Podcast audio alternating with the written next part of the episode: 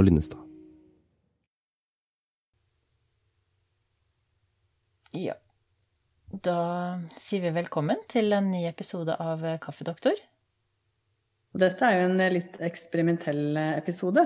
Ja, her er det veldig mye ledninger og mikrofoner og høyttelefoner i alle retninger. Vi håper inderlig at vi tar opp det vi tar opp, eller det vi tror vi tar opp, fordi vi har aldri gjort dette før. Men nå er nemlig Lina i Washington, og det er første gang vi prøver å ta opp noe som helst med via PC.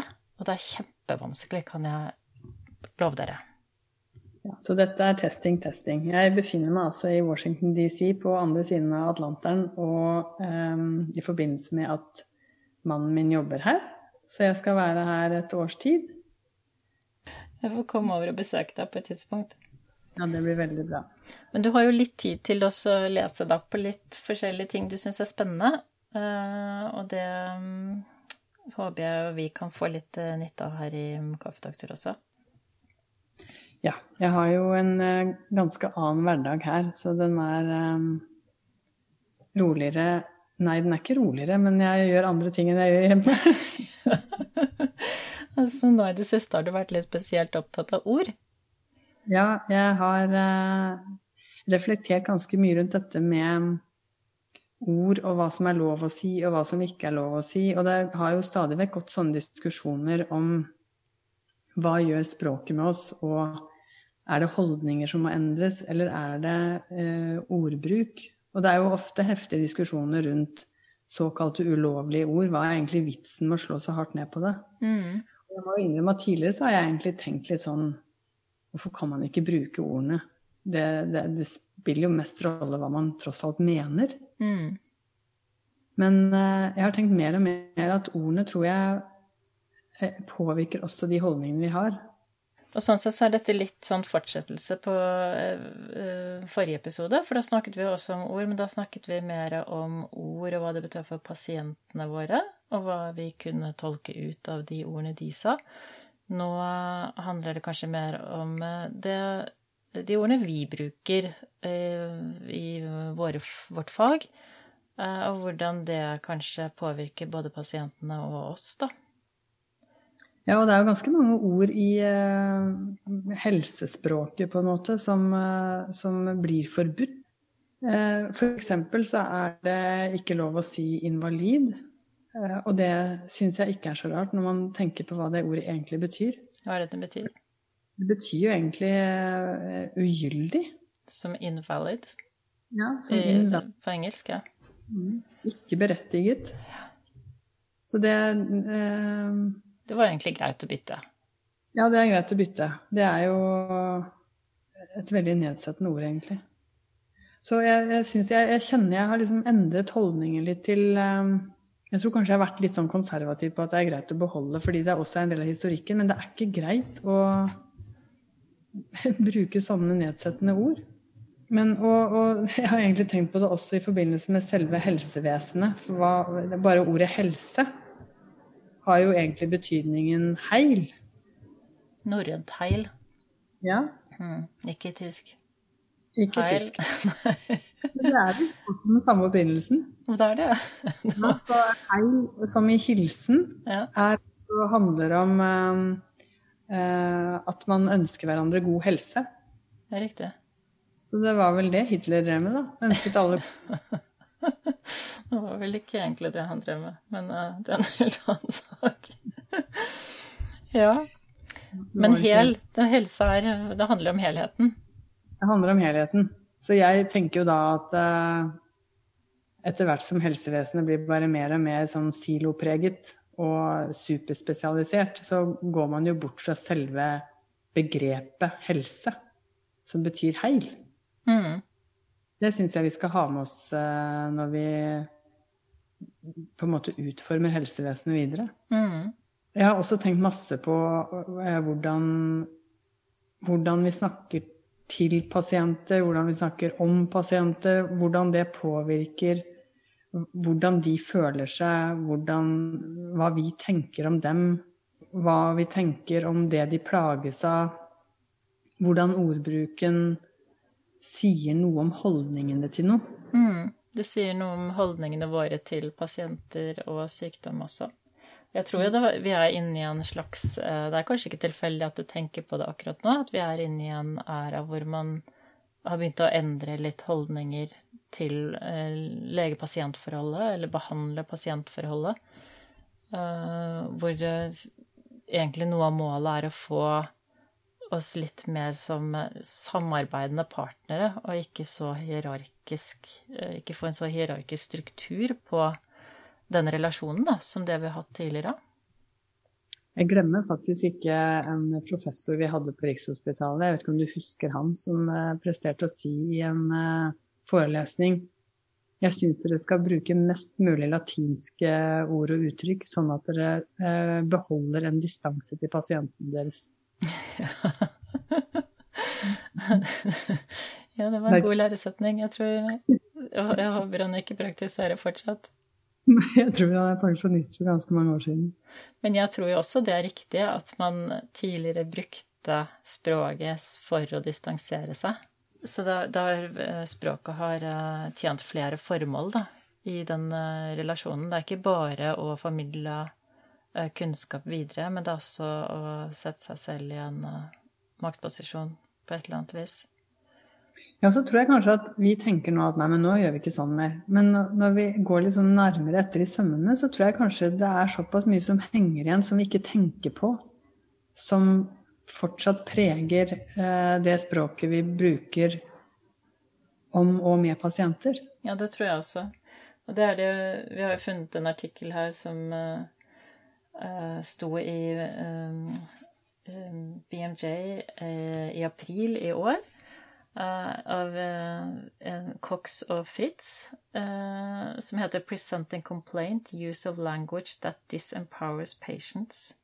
Og de snakker jo også om akkurat det du nevner, at ord i pasientbehandlingen kan få pasienter til å liksom føle at de på en måte har mindre kontroll over sin egen situasjon enn det, det de ønsker, da. Uh, og de snakker om liksom tre, uh, tre måter dette skjer på. Og den første uh, er det at man har et språk som bagatelliserer opplevelsen deres.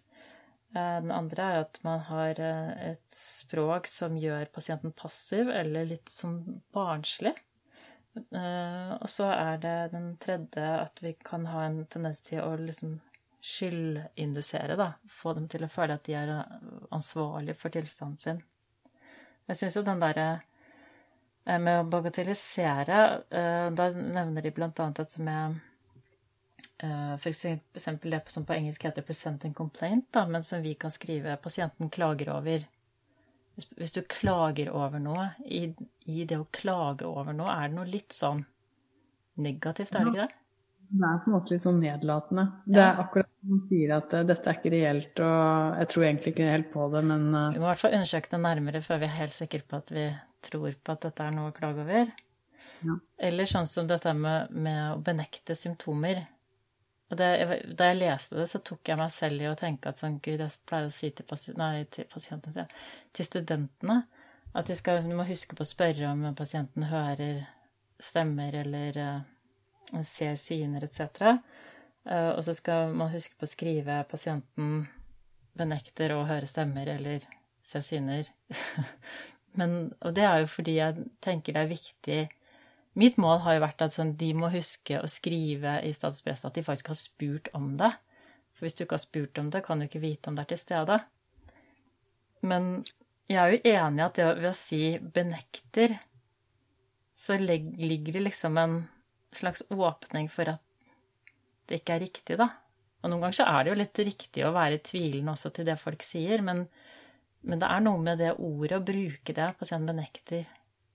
Eh, vårt språk preges eh, mye av juss. Eh, sånn som du sier, pasienten benekter sånn og sånn, viser at vi har spurt om det, og vi dokumenterer at vi har spurt om det. Mm, men, men, jeg kunne jo sagt pasienten rapporterer ikke å ha hørt stemmer, eller pasienten sier han ikke har hørt stemmer eller sett syner. Jeg kunne jo sagt det helt nøytralt.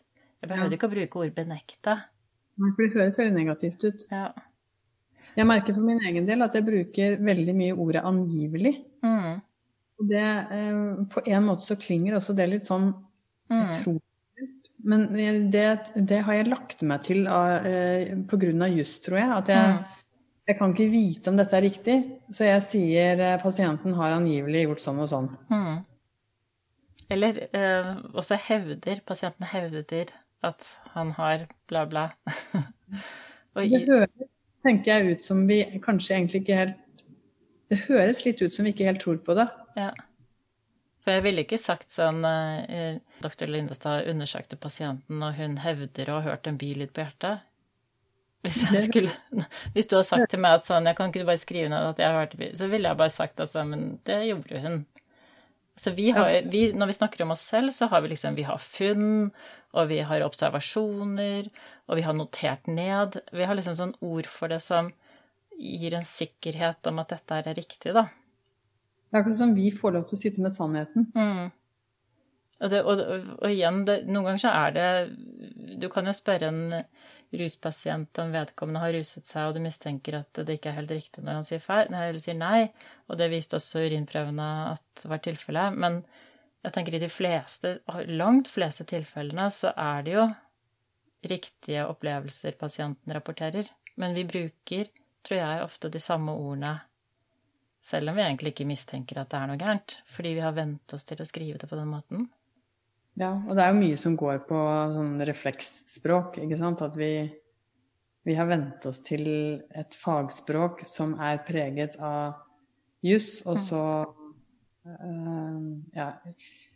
Jeg, jeg tror ikke jurister ville vært så enig i at vårt språk var preget av juss, men Du vil håpe at det er preget av juss. Men annen, det, andre de snakket om, det er ord som gjør pasientene passive, eller liksom hvor snakket dem som, litt, om de er, som de er litt barnslige. Da refererer de til i den artikkelen for eksempel hvis du har diabetes, da, og det er sånn pasienten skal ikke Eller det er ikke tillatt å spise sånn og sånn. Det er ikke tillatt det ene og ikke tillatt det andre. Og det er jo flere sykdommer hvor vi mener at det skal settes begrensninger, men måten vi snakker om de ja, Nå kom det veldig lyd her. Men måten vi snakker om de begrensningene på, uh, er jo litt spesielle. Uh, vi må vel ikke nødvendigvis skrive, skrive det på den måten som om vi uh, oppdrar, oppdrar pasientene våre, da. Det er vel det som si f.eks. at pasienten ikke samarbeider så godt, eller Ja, men det er litt sånn compliance, ikke sant. Vi snakker om er pasienten compliant eller er den ikke compliant. Og der, det snakker de også om i den artikkelen, hvor de uh, spør seg hvorfor skriver ikke hele 'pasienten tar ikke medisinene sine fordi bla, bla, bla'. Altså redegjøre for hvorfor, istedenfor å si pasienten er kjent gjennom så og så mange innleggelser, er ikke compliant til medisiner.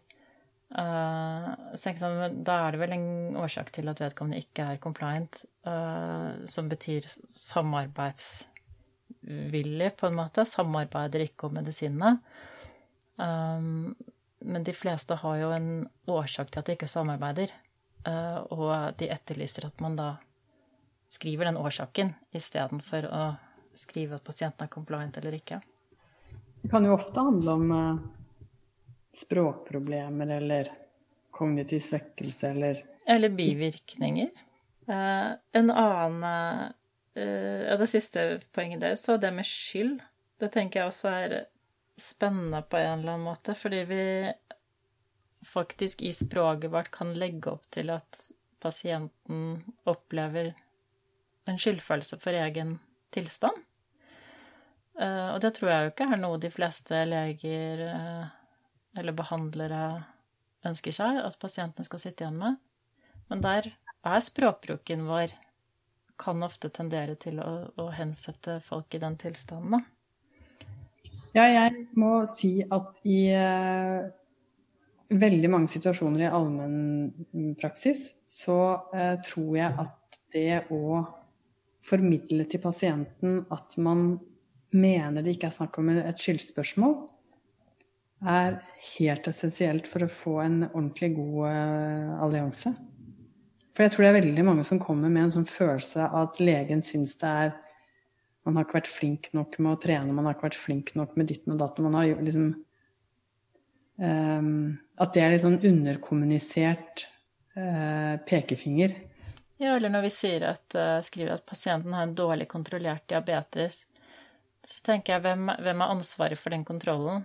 Det er jo absolutt de tilfellene hvor man kan tenke seg at pasienten ikke har fulgt de retningslinjene som var eh, lurt å følge i forhold til den tilstanden. Men jeg tror veldig mange av de tilstandene vi behandler, er så komplekse at vi også må ta inn over oss kompleksiteten i tilstanden, og at noen, for noen pasienter så er det faktisk utrolig vanskelig å regulere også. Eh, så det å på en måte under eh, Det er viktig i hvert fall å, å understreke det når pasienten på en måte en, står i en vanskelig situasjon, da, hvor dette her er vanskelig å få kontroll over. Eh, at vi ikke eh, kommuniserer det med et språk som legger skyld over på pasienten. Jeg tror heller ikke det, det å eh, øke skyldfølelse hos pasienter gjør dem bedre til å ta hånd om egen sykdom. Jo, hvis man skal bruke eksempelet dårlig regulert diabetes, så kan jo det like gjerne være legen som ikke har vært flink nok til å gi riktig medisin. Mm. Det er jo et hav av medikamenter å sette seg inn i. Mm. Jeg tror kanskje det verste ordet jeg vet om, er behandlingsresistent. For det brukes mye i psykiatrien. Da er det pasientens skyld. På en eller annen måte så tenker jeg jo at det er vanskelig å tenke at det ikke er pasientens skyld hvis noen er resistente mot noe. Det ligger på en måte noe sånn at her er det en indre motstand på et eller annet vis. Så sier man også 'vi har gitt deg opp'. Hmm? Man sier jo også 'vi har gitt deg opp'. Ja, jeg tenker at det ligger mye, mye av den typen skjult kommunikasjon i det, da. Selv om man ikke egentlig mener det som behandler, så er man jo bare Ja, men dette er vanskelig, for jeg greier ikke å finne på noe som behandler. Men da syns jeg vi burde si det på en annen måte. Eh, vi har ikke foreløpig funnet det som hjelper deg. Istedenfor mm. å si at eh, For jeg tenker det er jo det som er hovedproblemet. Vi har ikke funnet den riktige behandlingen, og ikke at pasienten er håpløs. Men jeg tror selv jeg ville reagert ganske sterkt på at noen kalte meg behandlingsresistent. Det høres ut som håpet er slukket, i hvert fall. Ja, men særlig den der at det, det ligger litt hos det, Jeg ville føle at det lå litt hos meg. Uh, uansett hva man sier, så det med å ha liksom en resistens er liksom en motstand. Du er, mm. du er motstandsdyktig mot behandling. Ja. Det er en herlig kombinasjon. Masse bivirkninger, men fortsatt motstandsdyktig. Denne artikkelen høres jo veldig spennende ut. Den syns jeg vi kan legge en eh, lenke til på Facebook-siden vår, så folk kan lese den. Mm. Jeg synes Et annet poeng som eh, det er fra en annen studie som de nevner, som jeg tenker vi også kunne snakke litt om, var dette med eh, For de har jo også vist vignetter til folk, eller behandlere, da, med forskjellig type ordlyd på lidelsen. For eksempel hvis du sier en substance uh, abuser eh, versus use, en person med substance use disorder, uh, så er helsepersonell mer tilbøyelig til å hjelpe gruppe to, som har en substance use disorder, enn en substance abuser. Ja, og jeg er sikker på når det gjelder rusmisbrukere, så der er det jo så vanskelig med behandlingsrelasjoner i utgangspunktet ofte. Mm. Så der må skal passe på hvordan man eh, ordlegger seg. Mm. Der tror jeg dette med skyld eh, kommer inn i så mange behandlingsrelasjoner hvor pasienten føler seg jo liten som en smule før den er i gang. som en smule. Bitte liten. Det, det, minner meg også om da jeg var på jeg husker det sommerlinja, da jeg var, endte med å bli innlagt med denne med magehistorien min. Jeg kan jo røpe det, at jeg ble innlagt med eh, eh, blodig diaré. Og det var heldigvis Jeg eh, kan jo røpe det med en gang, at det var heldigvis ikke så farlig som det virket, men jeg ble veldig skremt. Og så kom inn på Var veldig fint tatt imot, da, på akuttmottak på kirurgisk akuttmottak, eller hva det nå het for noe. Um, men da spurte de jo også om um, uh, Ja, det var hvor jeg skulle ligge, og så ble jeg lagt inn på et rom, og så spurte de vil du ha døren åpen. Uh, og så har jeg, jeg har alltid sånn følelse at når du kommer på liksom sykehus, så må man være veldig veldig forsiktig så man ikke blir glemt. Så man må liksom passe på at alle vet at du er der. Så jeg bare sånn Ja, ja, jeg vil ha døren åpen. Selvfølgelig vil jeg ha døren åpen. ikke ligge her og at dere glemmer av meg. Og så, er jo fryktelig travelt. Og så sier hun sånn Ja, ja, sier hun, og så lukker hun opp døren. Og så ser jeg plutselig at det er sånn kjempestor plakat sånn utenpå døren hvor det står sånn diaré over hele, over hele tenkte jeg bare Å nei, shit, shit. Bokstavelig talt. Ja, ja, du var en Kristin, du var diaré. Jeg var diareen på nummer ti, liksom. Og så tenkte jeg ja, det er sånn det er, liksom. Nå er det, nå er det bare redusert til diaré. Ja, diagnose. Ja. Men da er jo noe med liksom Hvordan møter vi folk, og hvordan ser vi dem? Så da tenkte jeg altså ja, språk betyr noe, liksom. Jeg har ikke lyst til å være den diareen. Men jeg var så redd for å bli glemt at jeg bare tenkte jeg vil heller ha døren oppe likevel. Du var diaré, og så var du kristen i parentes. Ja. Nei, det var ikke det engang. Det sto ikke noe navn der. Det, var, men det er jo sikkert taushetsplikt, da, så da kan du bare se meg, men ikke vite hva jeg het. Men det var bare hun på nummer ti. Så det er jo litt, også liksom hvordan vi omtaler folk, kanskje. At det blir litt sånn objektifisert, da. Mm. Istedenfor at vi er en, en ekte person med diaré. Ja. Høres ikke helt bra ut. Nei, det gikk jo bra, da. Men uh, det, det minner, minner henne om at hvordan vi møter pasienter, betyr noe, faktisk. Og hva slags ord vi bruker om dem. Ja, man er litt liten når man ligger der. Ja. ja men, og det, det, tenkte jeg faktisk også på. Så, så, utrolig hjelpeløs man er når man er på den andre siden. Og det er også spennende i forhold til uh, hvordan Eller sånn Dette blir en liten digresjon, men hvordan vi bedømmer helsevesenet, da. For jeg tror vi bedømmer eh, som pasient så har du jo liksom ingen mulighet for å skjønne om den behandlingen du får, egentlig er god eller dårlig, for det er høyspesialisert behandling du får i helsevesenet. Eh, og da har også undersøkelser vist at sånn det vi gjør i stedet for Siden vi ikke kan greie å egentlig vurdere om vi får god eller dårlig behandling, så ser vi på alle de tingene rundt for å vurdere om vi får god eller dårlig behandling. Så vi sånn, nemlig hører hva folk sier til oss, skjønner vi beskjeden, Eh, ble vi gitt informasjon på forhånd før en prosedyre? Ble forklart hva som hadde skjedd etterpå? Eh, vi leser på en måte all den dataen vi kan lese, da, og som vi kan forstå. Og da er jo språk noe av det vi faktisk kan forstå. Vi kan ikke skjønne hva de gjør med oss, men vi kan skjønne hva de, forhåpentligvis skjønne hva de sier til oss. Og Derfor så blir det så kjempeviktig. For det er det ja. eneste vi har å ta tak i. Og da har det også vist seg som pasienter som føler de får god kommunikasjon, tror de får bedre behandling enn de som får dårligere kommunikasjon, selv om de får den samme behandlingen. De blir jo tryggere. Mm. Det er noe med å, Ja, man, skal, man må snakke så, så, man blir forstått, og man må vite hva slags Sier man ikke hva slags valør ordene har? Altså, hvordan, hvordan virker egentlig disse ordene her? Mm. Jeg, jeg syns det er mange eksempler på um, jeg, jeg, fikk litt bakoversveis, for jeg leste om uh, ordet som, somatoform lidelse. Hva er egentlig definisjonen? Hvordan er det NHI definerer det? Uh, og de skrev at uh, det står altså på NHIs nettsider at det er en overdreven oppmerksomhet på fysiske symptomer. Det, synes... det er jo for så vidt riktig. Det var bare litt sånn kjipt beskrevet. Ja, og dessuten, hva er det man mener med det? For, for meg så hører Det jeg leser ut av de ordene der, er at um, pasienten overdriver. Mm.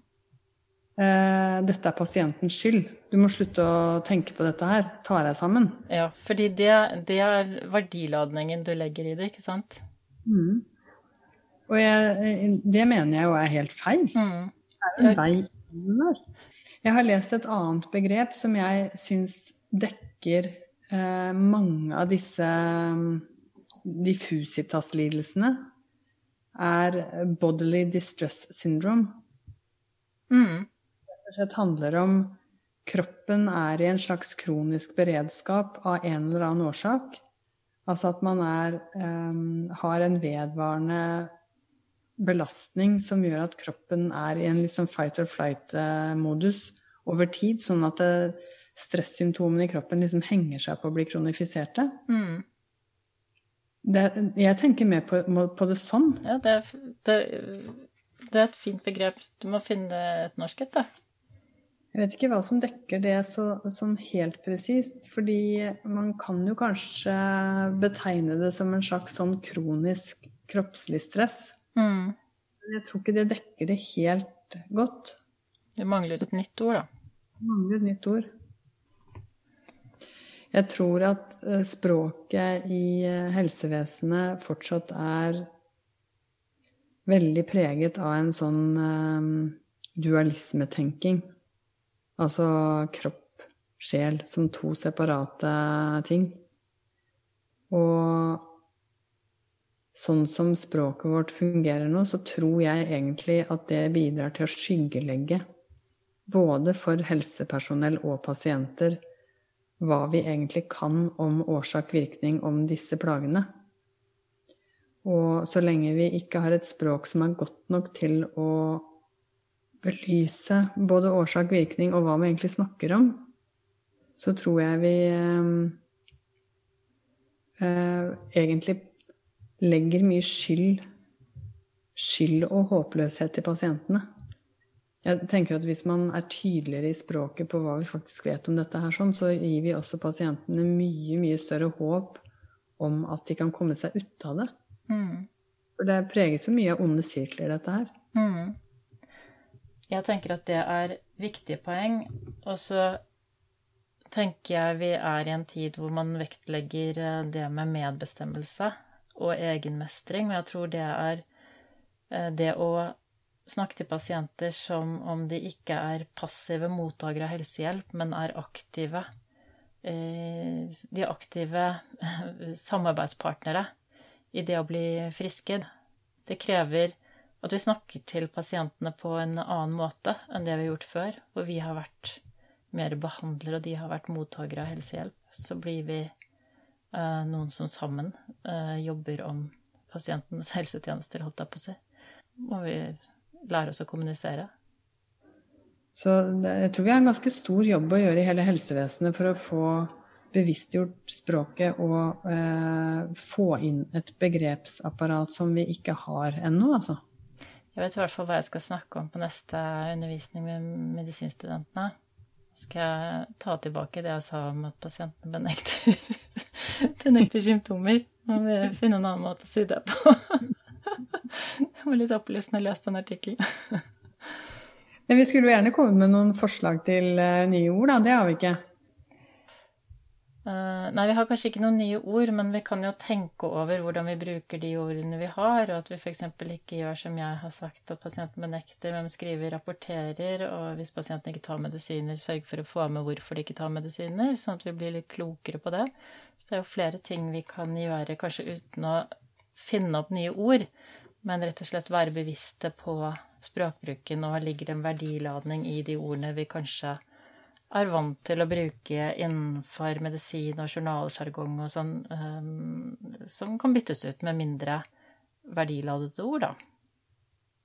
Ja, og hvis noen har forslag til nye ord Så tar så... vi jo det. da kan man jo melde det til oss. Man kan skrive det på en Facebook-siden vår. Vi har faktisk også en veldig hemmelig Instagram-side. Har en Instagram-profil som vi har liksom bare holdt på med litt sånn hemmelig, for vi vet ikke helt hvordan vi skal reklamere for den. Så nå gjør vi det litt her, da. Og så håper jeg at det har gått greit å være på hver side av Atlanteren. Ja. og hvis, eh, Nå må vi høre gjennom dette innlegget etterpå høre om det er veldig mange problemer med lyden, men hvis ikke, så kan det nok hende at vi forsøker oss på det igjen om litt. Og da sier vi som vi pleier. Men det vi sier, det er at livet er ikke det verste man har og bitte litt så puller vi kaffen klar.